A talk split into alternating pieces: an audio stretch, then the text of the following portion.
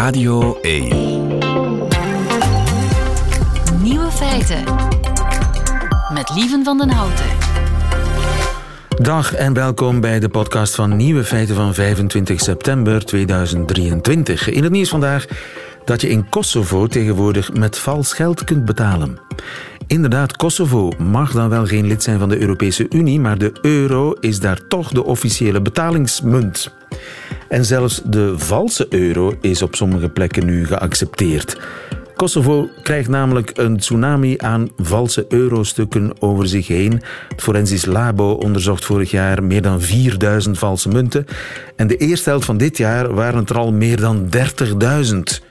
De munten zijn te koop voor 20 tot 40 cent. En de kwaliteit is heel erg goed, zegt de politie. Zo goed zelfs dat verschillende cafés en winkels al hebben gezegd dat ze de munten niet meer checken. Het zijn er gewoon te veel geworden, zegt een café-uitbater. We accepteren het geld en geven het als wisselgeld terug. Het is toch allemaal hetzelfde. De andere nieuwe feiten vandaag.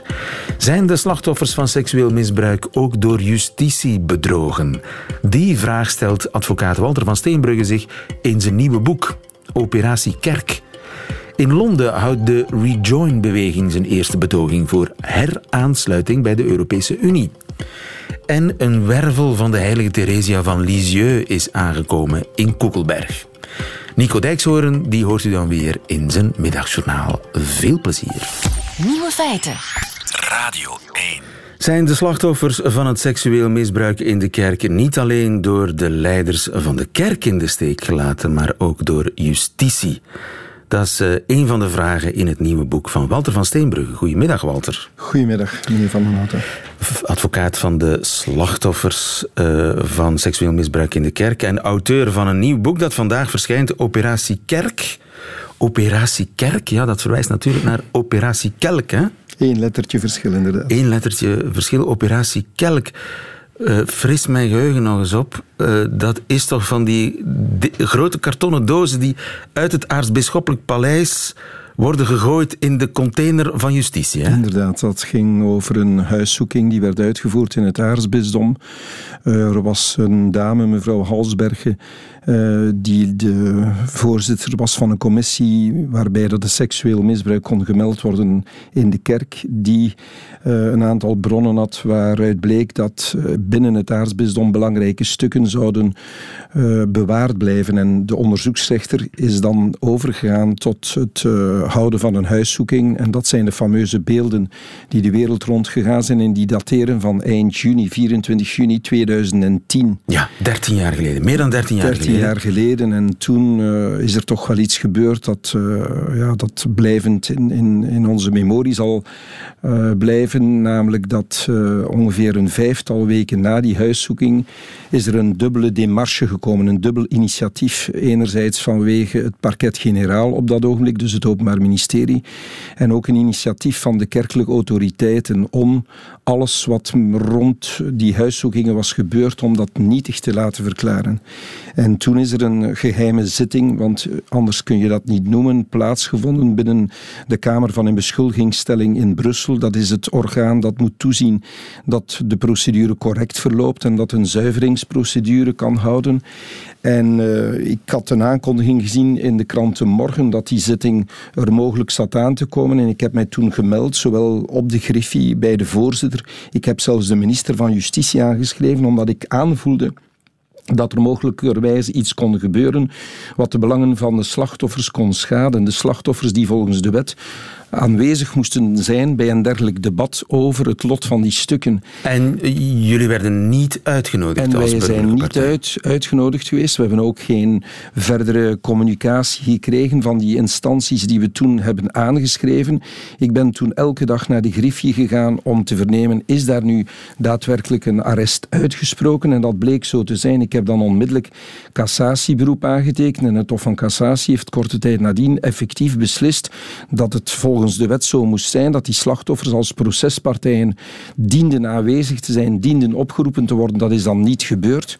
Maar wat nog veel erger is, is dat in 2014, nadat er in 2012 was beslist geworden dat die fameuze stukken op de griffie moesten bewaard blijven, of ter inzage moesten liggen van latere procespartijen, want de nietigheid bleef gestand.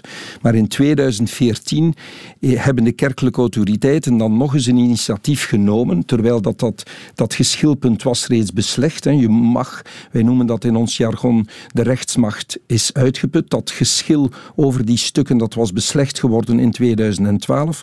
Maar desondanks presteerde eh, de kerk, presteerden de kerkelijke autoriteiten toch nog om clandestien een aanvraag in te dienen om toch die stukken terug te krijgen. En alweer vond er een zitting plaats voor de Kamer van Inbeschuldigingstelling in Brussel. Toevallig met dezelfde voorzitter als de man die in 2010 het voorzitterschap had waargenomen om die stukken allemaal nietig te laten verklaren. En in 2014 is er dan daadwerkelijk nog eens een clandestine zitting geweest. Slachtoffers alweer niet opgeroepen. En dan is die beslissing gevallen om uh, de originelen, die, de inhoud van die 931 dozen, om die allemaal terug te geven aan uh, de kerkelijke autoriteiten. En dan uh, is er nog iets heel merkwaardigs gebeurd. Dat is dat het Openbaar Ministerie dat ook de van de slachtoffers moet garanderen. Dat ook op de hoogte was van die cassatie uitspraak, namelijk dat die slachtoffers er volgens de wet verplichtend moesten bij zijn. In plaats van cassatieberoep aan te tekenen, heeft de procureur-generaal op dat uh, vlak, op dat ogenblik, uh, gezegd, ja, uh, stand TPD moeten die stukken aan de raadsman van de kerkelijke autoriteiten worden meegegeven. En dat betekende de verdwijning van die 931 fameuze kartonnen dozen. En meteen is operatie Kelk op dat ogenblik onthoofd geworden. Ja. Anders kan ik het niet noemen. Wat is er met die dozen gebeurd? Die zijn teruggegaan naar de oorspronkelijke eigenaars. Ja, we hebben nog een, een vraag gesteld, uh, want we zijn er maar van op de hoogte gebracht toen we de eerste keer de volledige inzage van het dossier hadden in het najaar van 2020. We zijn toen zelfs met een gerechtsdeurwaarder naar die griffie gegaan om dat vast te stellen, omdat ook de onderzoeksrechter aan mij had gezegd, ja, maar die stukken moeten daar zijn. Dat staat ook op mijn computer, dat die stukken er zijn, maar dat was niet zo. In 2014 was er dus een clandestine bijeenkomst geweest om de stukken aan de kerk terug te geven. En het Openbaar Ministerie heeft dat toegelaten. Integendeel heeft nog opdracht gegeven aan de hoofdgriffier om die stukken uh, te laten opladen. En dat is iets wat, ja, wat je kan verwachten in de middeleeuwen, maar toch niet meer in de 21ste eeuw. En al ja. zeker niet nadat het zo nadrukkelijk ook door het Hof van Cassatie was gezegd geworden. En, en het staat ook in de wet, die partijen moeten daarbij zijn. Maar we zijn dus eigenlijk uh, op die manier toch echt wel bedrogen geweest. Anders, ja, je kunt, je kunt dat niet anders benoemen. Maar die operatie Kerk, of operatie Kelk, hè, operatie Kelk, dat was toch eigenlijk, uh, een, de, de kwestie was schuldig verzuim. Hè? Dus Wel, heeft, die, de, heeft de top van de kerk uh, meegewerkt aan een doofpot? Ja, je, je kunt, je, je, het is heel moeilijk natuurlijk om, om, om die conclusie te trekken, omdat het zo onwaarschijnlijk is, maar het is een beetje zoals in, in de wiskunde, 1 en 1 is 2. Als je ziet hoe dat, dat, uh, die zaak verlopen is in 2010, was het al zo abnormaal dat enkele weken nadat die huiszoekingen hadden plaatsgevonden, dat men al een, een initiatief ontwikkelde om die stukken nietig te laten verklaren. Niemand was in de mogelijkheid om al die stukken, duizenden en duizenden stukken, om die te lezen. En toch heeft men toen vanuit uh, twee hoeken gezegd, dit mag niet verder onderzocht worden. En men heeft dan gedeeltelijk een, de slag thuis gehaald, maar in 2012 wordt er dan heel duidelijk bes, beslist, die stukken moeten op de griffie bewaard blijven en nog erin zagen liggen. Maar dat heeft men natuurlijk in 2014 volledig de, de, de nek omgevrongen op een wijze waarvan dat ik zeg, hoe is zoiets mogelijk? Maar eigenlijk zegt u nu dat er in ons land magistraten zijn die meegewerkt hebben aan de doofpot die ze verondersteld werden te vervolgen. Ja, ja die, die vraag stellen is beantwoorden. Je kunt daar geen andere valabele uitleg overgeven. Vandaar dat ik vind dat om de rechtsstaat te vrijwaren, dat dit moet onderzocht worden. Hoe is dit mogelijk geweest tot tweemaal toe? En dat is de taak, denk ik, van het parlement. We hebben drie machten in de democratie, die moeten elkaar controleren. Maar dit is allemaal, ja, dit, dit is zomaar kunnen gebeuren. En dan nog uitgerekend, meneer Van den Houten, ten aanzien van een groep slachtoffers, ja, waarvan dat je zegt, hebben zij al niet genoeg geleden? Moeten zij nog eens door justitie op een dergelijke manier aangepakt worden. Dat is niet mogelijk. Daarnaast ook nog de wetenschap, want het, het, uh, de operatie uh, Kelk ging niet alleen over schuldig verzuim, maar ook over uh, het seksueel misbruik aan zich, over het bezit van kinderporno en zo meer. Slachtoffers hebben al moeten verwerken dat geen enkele dader werd aangepakt. En daarnaast nog eens moeten vernemen dat op een dergelijke manier stukken verdwijnen. Ja, dat, dat, dat, dat kun je niet uh, in, in, in, in, in, de ja. slechtste, ja, in de slechtste gedachten kun je, kun je dat niet, niet inbeelden. Ja. Heeft u enig idee wat er in die dozen zat? Wel, wij hebben een, een, bepaalde periode in de mogelijkheid geweest om te zien uh, wat er allemaal in zat. Dat was een enorme, enorme hoeveelheid stukken. Daar zaten vele originele brieven in, want men heeft hier en daar, hopelijk, we zullen dat nog nagaan, uh, dat er wat kopieën zijn genomen. Maar de originele stukken, daar zat ook briefwisseling bij met het Koninklijk Paleis, dat hebben we zelf kunnen zien. Dus dat, dat zijn ongelooflijk belangrijke stukken geweest. Anders had men niet al die demarches. Er zijn uh, twee cassatieprocedures rondgevoerd, drie procedures voor de Kamer van een beschuldigingsstelling. Er is een enorme strijd rond die stukken gevoerd geworden, maar in 2014 heeft men dan beslist om het uh, gewoon stoemelings uit, het, uit het dossier te halen. En dat is niet uitlegbaar aan die slachtoffers. Ja. Dat is niet uitlegbaar. Nu, je zegt die strafzaak is onthoofd, maar het is niet het einde van de strafzaak, nee. want die loopt nog altijd. Die loopt nog steeds. Die loopt reeds van het voorjaar van 2010. Dus dat is 13,5 jaar binnenkort. Dat is ongezien qua, qua duurtijd. Hè. Ik denk niet dat er sedert de geschiedenis van België, sedert het ontstaan van België, uh, investigaties, onderzoeken zijn geweest van een dergelijke lange duurtijd. Ik denk dat men met het schaamrood op de wangen zit om die zaak terug voor de raadkamer te brengen.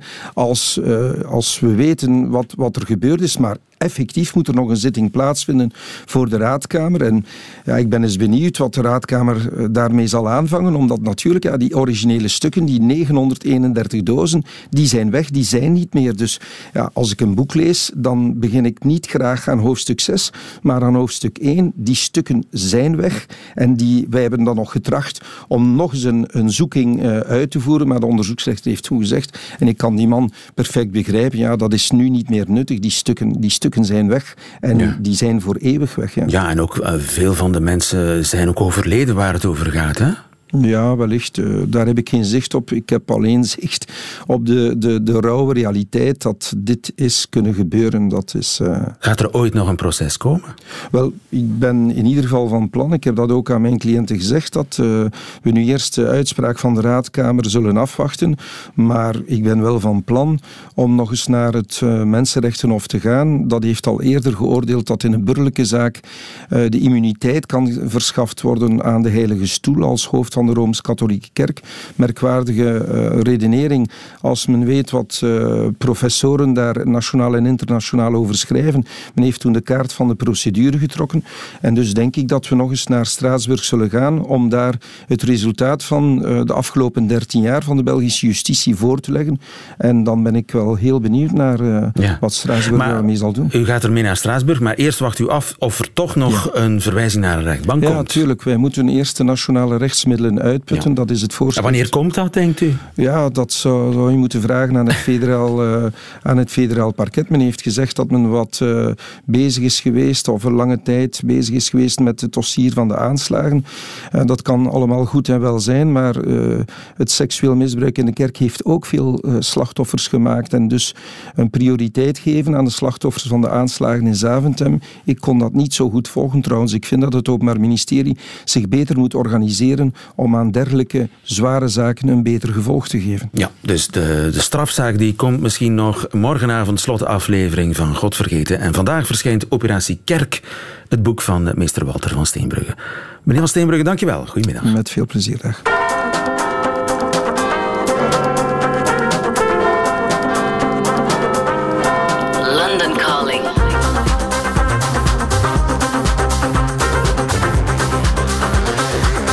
Lia van Beckhoven.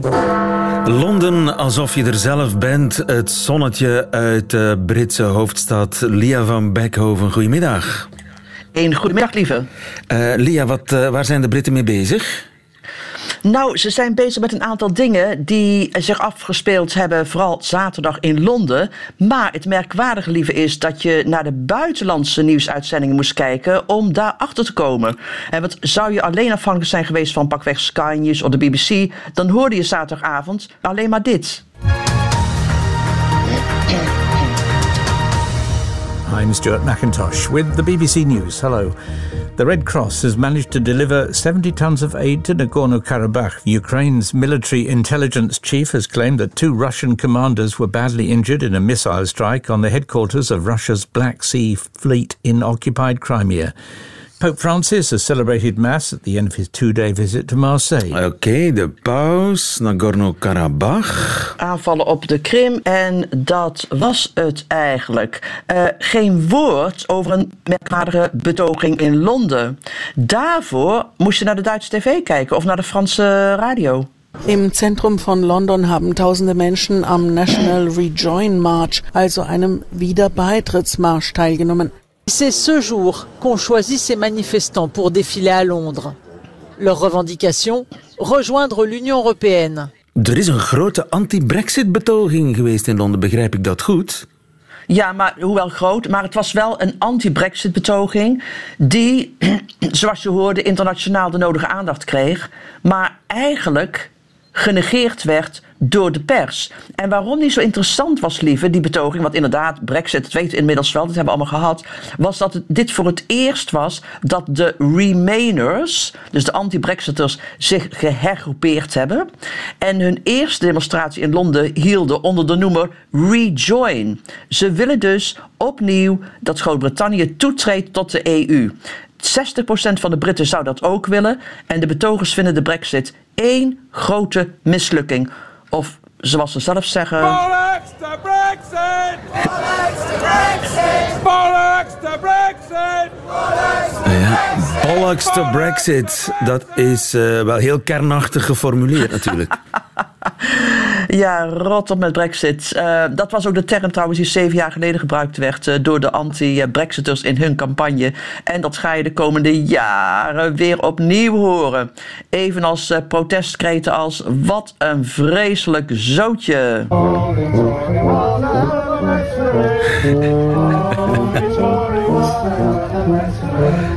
Tory, Tory, what a hell of a mess we're in. Ja, ik kan al, ik kan al meedoen. Je kan meedoen. Tory, Tory, what a hell of a mess we're in. Uh, dat is een sneer naar uh, de, de, Tories, hè, de conservatieve partij, die, die Brexit uh, gewild en uitgevoerd heeft.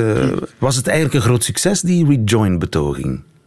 Nou, de organisatoren deden wel 40.000 mensen mee. Normaliter deel je dat dan op zijn minst uh, door de helft. Maar volgens sommigen waren het er niet meer dan 3000, wat echt niet veel is. Vandaar ook het gebrek aan aandacht uh, van de BBC en andere omroepen. Maar er was wel media-aandacht voor uh, een aantal sprekers. En vooral één spreker die jij ook kent, lieve. Een hele felle anti-Brexiter, namelijk Guy Verhofstadt.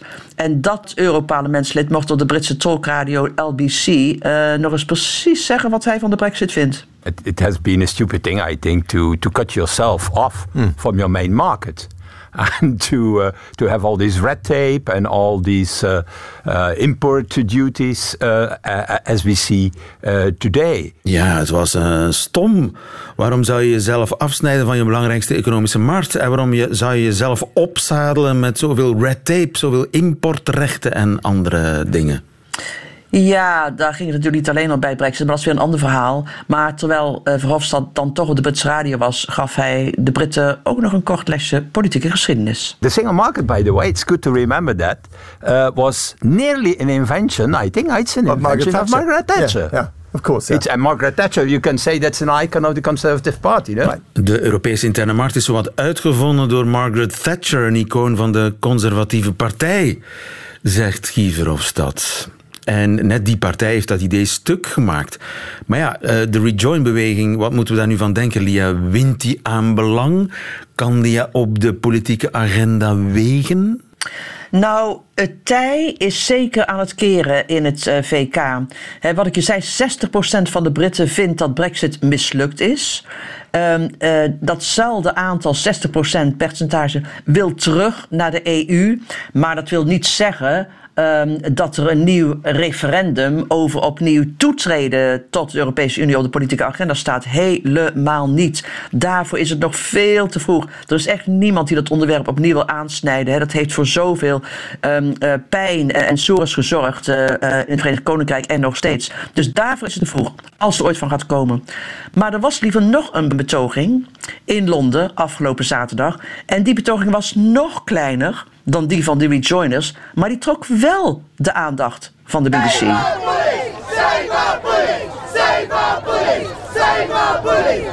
Save our bullies.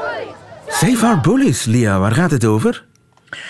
Nou, dat gaat over een Amerikaans hondenras, American Bully XL geheten. Juist, ja. En steeds meer Britten hebben zo'n hond. En premier Rishi Sunak heeft nu bedacht dat die hond een gevaar is voor de maatschappij, zegt hij. Dus hij gaat die soort laten verbieden. En dat is erg tegen de zin in van mensen die zo'n hond hebben natuurlijk. Ook al werd weer iemand door zo'nzelfde type gewond enkele uren voor de demonstratie van die voorstanders van de Bully XL. Maar goed, die voorstanders togen dus ook de straat op waar ze de anti-Brexiters tegen het lijf liepen. en zoals je weet, lieve, de, de Londense binnenstad is behoorlijk groot. Maar hij leek toch even te klein te zijn voor twee van deze minuscule demonstraties.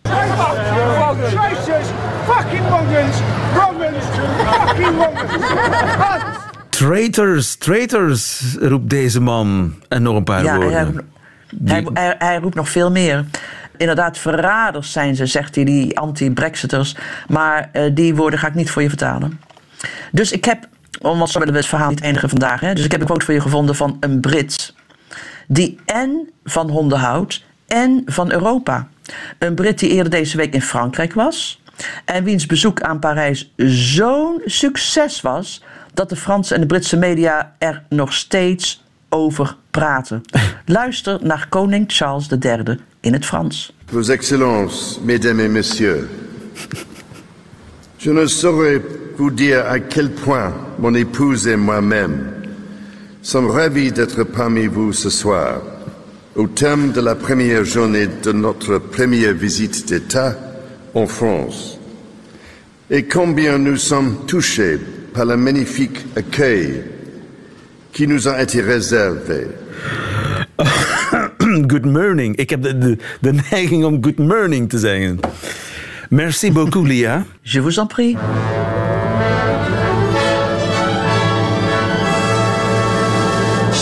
Nieuwe feiten. Het was de aartsbisschop zelf, gevolgd door een stoet gelovigen die zaterdag een wervel van de heilige Theresia van Lisieux naar de basiliek van Koekelberg bracht. Daar zal die reliquie een paar weken blijven. Seigneur, nous attendons la vie, que ma bouche chante ta louange. Oui, je pense à quelqu'un spécialement. Bon, à un membre de famille qui est malade, que j'aimerais confier à Sainte Thérèse. Comme Sainte Thérèse était une sainte qui était petite, mais qui faisait de grandes choses. Ja, ze was klein. Het was een klei- ze, noemt, ze wordt ook wel eens de kleine Theresia genoemd. Hè? Eh, Jeroen Reiniers, goedemiddag trouwens. Goedemiddag, hallo. Jeroen, jij bent kunsthistoricus. Eh, Die dame zei, eh, ze was klein, maar ze heeft grote daden eh, verricht. Ja, klopt. Wie, wie was die Theresia van Lisieux? Het was een, eh, Franse dame, een meisje eigenlijk, 24 jaar oud geworden. En die was eigenlijk zo vroom, zo eenvoud en op zoek naar liefde, dat dat eigenlijk heel veel mensen aanspreekt. Vandaar die ja, populariteit, ook vandaag nog, van dat reliquie. Ja, absoluut. En ehm, het is ook omdat ze nog niet zo heel lang geleden gestorven is. Het is nu wel 150 jaar geleden dat ze is geboren. Maar toch, het, ja, dat, we hebben nood aan iets, ehm, iets dat we voor ons kunnen voelen. Hè. De, we hebben nood aan eh, een houvast in het leven. Dat is eigenlijk hetgeen wat ik zoek. En die heilige, die vrouw, kan u daarbij helpen. Ja. Dat is toch zo. En het is een stukje wervel.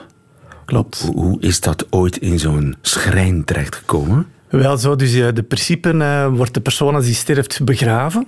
En eens er de procedure wordt opgestart voor een heiligverklaring, wordt die terug ontgraven en kan je dus eigenlijk de beenderen zien. Maar natuurlijk, ja, die benen zijn wel heel waardevol voor die plek daar in Lisieux. Dus ze gaan dat ook niet zomaar wegdoen of uitdelen. Dus vandaar dat er nu een klein wervelstukje in een schrijn is gestopt en dat die nu wordt rondgedragen in ons eigen land. Maar is eigenlijk dan het volledige geraamte van Theresia van Lisieux verdeeld? In principe, daar moet ik eh, eens nakijken, maar in principe is het lichaam daar nog ter plekke. En kan het zijn dat maar er hier en daar zijn er kleine stukjes dan... uh, Klopt. En, en daar, daar zijn procedures voor. Dat is niet iemand die dat stiekem wegrist. Nee, nee, nee, nee, zeker niet. Dus dat is, heel, uh, dat is een hele procedure ook. En ook echtheidscertificaten. Het kan niet zomaar dat je een, ineens met een bot afkomt en zegt van dit is een reliek van de heilige Teresa. Nee, nee, dat is allemaal min of meer gecontroleerd, hè, in de mate van het mogelijke, uh, om misbruiken daar binnen uh, tegen te gaan natuurlijk. Maar het lijkt iets van heel lang geleden, van een volksgeloof dat lang geleden is uitgestorven. Mensen die stukken lichaam, het heeft ook iets primitiefs bijna, hè? Ja, ja we hebben een heel lange traditie. Voodoo-achtigs. Ja. Zo, zo kan je het ook zien, ja. ja het is, we hebben een, uh, een heel lange traditie, ook al van de klassieke oudheid, dat wij opkijken naar bijzondere figuren, naar helden. En dat wij er graag iets tactiel van bij ons, zo dicht mogelijk bij ons willen bijhouden. En dat zie je dat dat in het christendom ook zo is. En dat dat nu nog altijd zo bestaat. Alleen dat religieuze valt er wat af. Dus bijvoorbeeld een t-shirt van Vincent Company. Er wordt uh, soms in handel ingedreven. Er wordt soms... Uh, ja, precies hetzelfde. Uh, exact hetzelfde. Alleen valt dat religieuze dan wat weg. Maar het blijft bestaan. We hebben die een houvast van een, persoon, een bijzonder persoon nodig. Ja, want men denkt dat de nabijheid van die reliquie dat dat helpt ergens tegen. Maar waar, is Theresia goed voor? Is, dat weten we niet. Genezing van het een of het ander. Het is omdat ze zo vroom is dat er eigenlijk een, een voorbeeldfiguur is. Um, in sommige gevallen kan dat helpen. Meestal heeft elke heilige wel een... Kan u mee iets helpen? Ja. Bijvoorbeeld Blasius tegen de keelpijn. Of heb je een ratten, rat, rattenplaag, dan ga je naar Gertrudis van Nijvel. Elke heilige heeft zowel een eigen niche waar u in kan helpen. Maar dat geloof is dus nog niet uitgestorven? Zeker niet. Dat specifieke volksgeloof? Ja, dat is echt volksgeloof en dat zal ook blijven bestaan. Daar ben ik zeker van. Ja, want dat werveltje van Theresia, dat is aan een tour door Europa bezig. Klopt, ja. Dat is inderdaad zo'n beetje zoals de, de muzikanten die nu op wereldtournee gaan. Is dat nu ook zo voor de kerk, maar dan met de relieken van een heilige. En zijn er diverse soorten reliquieën? Ja, dus het ene reliek is het andere eigenlijk niet. Um, als je de beenderen kan krijgen van een heilige, dat is echt de top of de top, de best of de best. Uh, maar ook daarin zie je verschillen. Dus bijvoorbeeld een evangelist bijvoorbeeld, die de bijbelteksten heeft geschreven. Als je daar de hand van kan bemachtigen, dat is wel echt de topper. Hè? Of bijvoorbeeld een fragment van Jezus Christus of Maria. Ook al zijn die ten hemel opgegaan, al is niet weggegaan en hebben we er niets meer van terug. Het heilig bloed of zo, is wel echt de topper van de topper. Ja, dus dat is eerste klas, tweede klas, dat, dat bestaat. Ja. Want je hebt, je, hebt, je hebt, ook dingen die door de persoon in kwestie zijn aangeraakt. Dat kan ook een reliquie zijn. Absoluut. Dus we hebben daar drie verschillende categorieën in. De eerste is de, zijn de beenderen zelf. De tweede zijn de gebruiksvoorwerpen tijdens het leven van die heiligen. Dus een drinkkom. Stel dat ik heilig verklaard word, dan zal mijn t-shirt nu ook een tweede rangs reliek zijn dat is uh, zo een, als je dat niet kan, als je de beenderen niet kan bemachtigen, dan zijn die andere fragmenten, een stuk kleed, wat dan ook, bijzonder interessant. En hoe zeker zijn we dat die echt zijn? Die reliquieën? Die hele oude, daar kan je wel uh, over betwisten. Want we, ja, er, doorheen de geschiedenis zijn er oorlogen geweest. Er zijn dingen geplunderd, er zijn dingen verwijderd. Dat is natuurlijk altijd de vraag, hè. zijn dat nog effectief die echte? Bijvoorbeeld in Brugge, het heilige bloed. Is dat echt bloed van Christus? Weten we dat zeker? Uh, daar kunnen we een kanttekening bij zetten. Dat is... Uh, dat is zeker niet... Uh, het zou wel heel bijzonder en heel uniek zijn, zou ik ze zeggen. Ja. Maar het is wel interessant, we hebben de techniek. Is, is, is, het al onderzocht? Bijvoorbeeld, je kunt de leeftijd van dat bloed toch onderzoeken wetenschappelijk? Dat kan toch? Ja, er zijn nu technieken die we dat kunnen. Dus ook bij ons in het Koninklijk Instituut voor het Kunstpatrimonium doen wij onderzoek naar de datering van beenderen. Dat kunnen wij dus allemaal uitvoeren. Um, bij het heilig bloed hebben we dat nog nooit gevraagd. We zijn er ook niet dat is altijd, uh, moet altijd overeenkomen. Hè? Dus ook de eigenaar moet ook mee willen stappen in het verhaal. En in dit geval gebeurt dat niet? Goh, we hebben dat eigenlijk nog nooit opgestart. Um, het is ook een hele mooie traditie. Stel dat het dan toch niet klopt, we willen het ook niet zomaar dat het, die traditie stopt natuurlijk. Dus het is, het is altijd een zoektocht van hoe kunnen wij hier een interessant wetenschappelijk verhaal, maar tegelijk ook dat het volksgeloof dat dat ook kan blijven bestaan. Want uh, ook de voorhuid van Christus wordt uh, als reliquie op meer dan één plaats bewaard. Hè? Ja, dus dat is een heel bekend voorbeeld, de voorhuid. Dus uh, er, werd, het verhaal bestond dat er in Antwerpen de voorhuid van Christus in de nu huidige kathedraal terug te vinden was. Maar die hebben we niet meer. De beeldenstorm in de 16e eeuw heeft ervoor gezorgd dat die vernield werd. Ja, maar er zijn verschillende voorhuiden van Christus. Ja, dus uh, dat kan niet, hè? Nee, dat kan zeker niet. Ik heb ooit mij laten wijsmaken dat als je die allemaal naast elkaar zou leggen, dat je een voetbalveld hebt. Maar ja, dat, is kan een overdrijving zijn. Dat is zo. Dus bijvoorbeeld, uh, als je alle stukjes uh, Heilig Kruis zou samenbrengen, heb je een heel bos. Dat is een uh, uitspraak van Erasmus van Rotterdam al in de 16e eeuw. Ja. En dat blijft bestaan. We zijn heel kritisch toen al we zijn er heel kritisch over. En uh, kijk, we proberen dat te onderzoeken. Ja. Hoe sta je daar zelf tegenover? Tegenover dat uh, hardnekkige volksgeloof dat, ja, dat je eigenlijk genezing kunt vragen of, of een bepaald soort ja, gunst kunt afsmeken bij een, een stuk bot of, of een stuk ja, stof of heilig bloed? Ja, ik ben zelf niet echt niet meer gelovig. Dus ik vind dat wel altijd wel heel opmerkelijk dat zo'n tradities er zijn. Maar ik heb een keer uh, met iemand gepraat die bijvoorbeeld uh, problemen had met zwangerschap. En die op zoek ging met de laatste hoop hè, om een heilige, de reliquieën, een keer aan te raken. Ik vond dat heel mooi, heel ontroerend. En je als de wetenschap ons niet kan helpen, als de geneeskunde ons niet kan helpen, dan gaan wij precies automatisch naar zo'n volksgeloof, naar een traditie van vroeger. En ik vind dat wel heel mooi. Ja. En zeker ook met corona heb ik bijvoorbeeld opgemerkt van, uh, dat nu, door de coronacrisis, er terug meer mensen naar de kerk gaan. Ik vind dat heel opvallend. Jeroen Reniers, dankjewel. Nog een fijne dag. Dank u. Nieuwe feiten. Radio 1. En dat waren ze, de nieuwe feiten van vandaag, maandag 25 september 2023. Alleen nog die van Nico Dijkshoorn, die krijgt u nu in zijn middagjournaal. Nieuwe feiten. Middagjournaal.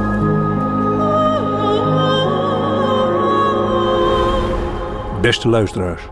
Zaterdagmiddag was ik voor het eerst in mijn leven in een tuincentrum. Ik kende het wel van de buitenkant, Parkeerterreinen vol met mensen die zakken tuinaarde achter in hun auto tillen. Aan alles voelde ik dat daar binnen in die enorme hal zich iets afspeelde waar ik zo lang mogelijk niets mee te maken wilde hebben. En dat is mij gelukt, tot dit weekend. Ik denk dat het met een oud trauma te maken heeft. Mijn ex-vrouw kwam een jaar of veertig geleden de huiskamer binnen. Zij zette een doos vol planten op tafel en ze zei: ik heb een aanrijding gehad met een olifant. En dat bleek te kloppen. Op het parkeerterrein van het tuincentrum stonden op verschillende plekken enorme stenen beelden van uitheemse dieren. Mijn ex was achteruit keihard tegen de knie van een olifant gereden. Haar uitleg, die verwacht je daar ook niet direct. Ik begrijp nu dat dat de kern is van het fenomeen tuincentrum. Ze verkopen ontelbaar veel zaken die je niet direct verwacht. Zaterdag liep ik met Tanja achter een kar die tot mijn schouders kwam. En na iedere bocht in dat tuincentrum ging ik bijna door de knieën van verbazing. Het was 23 september, maar in het tuincentrum was het al volop kerst. Ik geef hier ruidelijk toe dat ik met een enorme kerstmannentrein in mijn handen heb gestaan. En dat zag ik dan even voor mij. Alle buren voor ons huis. En dan steeds het gejuich als de door mij in elkaar gelijmde kersttrein langs het raam kwam tiffen. Ik heb ook minutenlang met twee kerstballen in mijn handen gestaan. 20 euro per stuk. Het waren twee replica's van een uitgebakken speklap. Luisteraars, dat doet een tuincentrum met je. Je wilt opeens speklappen in een kerstboom hangen. En dan geen gewone kerstboom, nee, een witte, met heel mooi het woord love erin gespoten. Luisteraars, ik zag dat zo voor me. Visite over de vloer. Je ziet ze naar die witte kerstboom lopen. En daarna de vraag: Speklappen, Nico? Waar heb je die gekocht? En dan kunnen zeggen: In het tuincentrum. Pas op, je hebt 40 euro in je hand. Maar het allermooist vond ik de afdeling porseleinen dieren op ware grootte. Luisteraars, Ik wist dat helemaal niet. Maar dat bestaat dus. Samen met je vrouw. Een levensechte Dalmatiër van porselein in de achterbak van je auto manoeuvreren. Dan de klep dichtgooien. En met een beetje pech daarna achteruit tegen een stenen miereneter van 4 meter hoog aanrijden.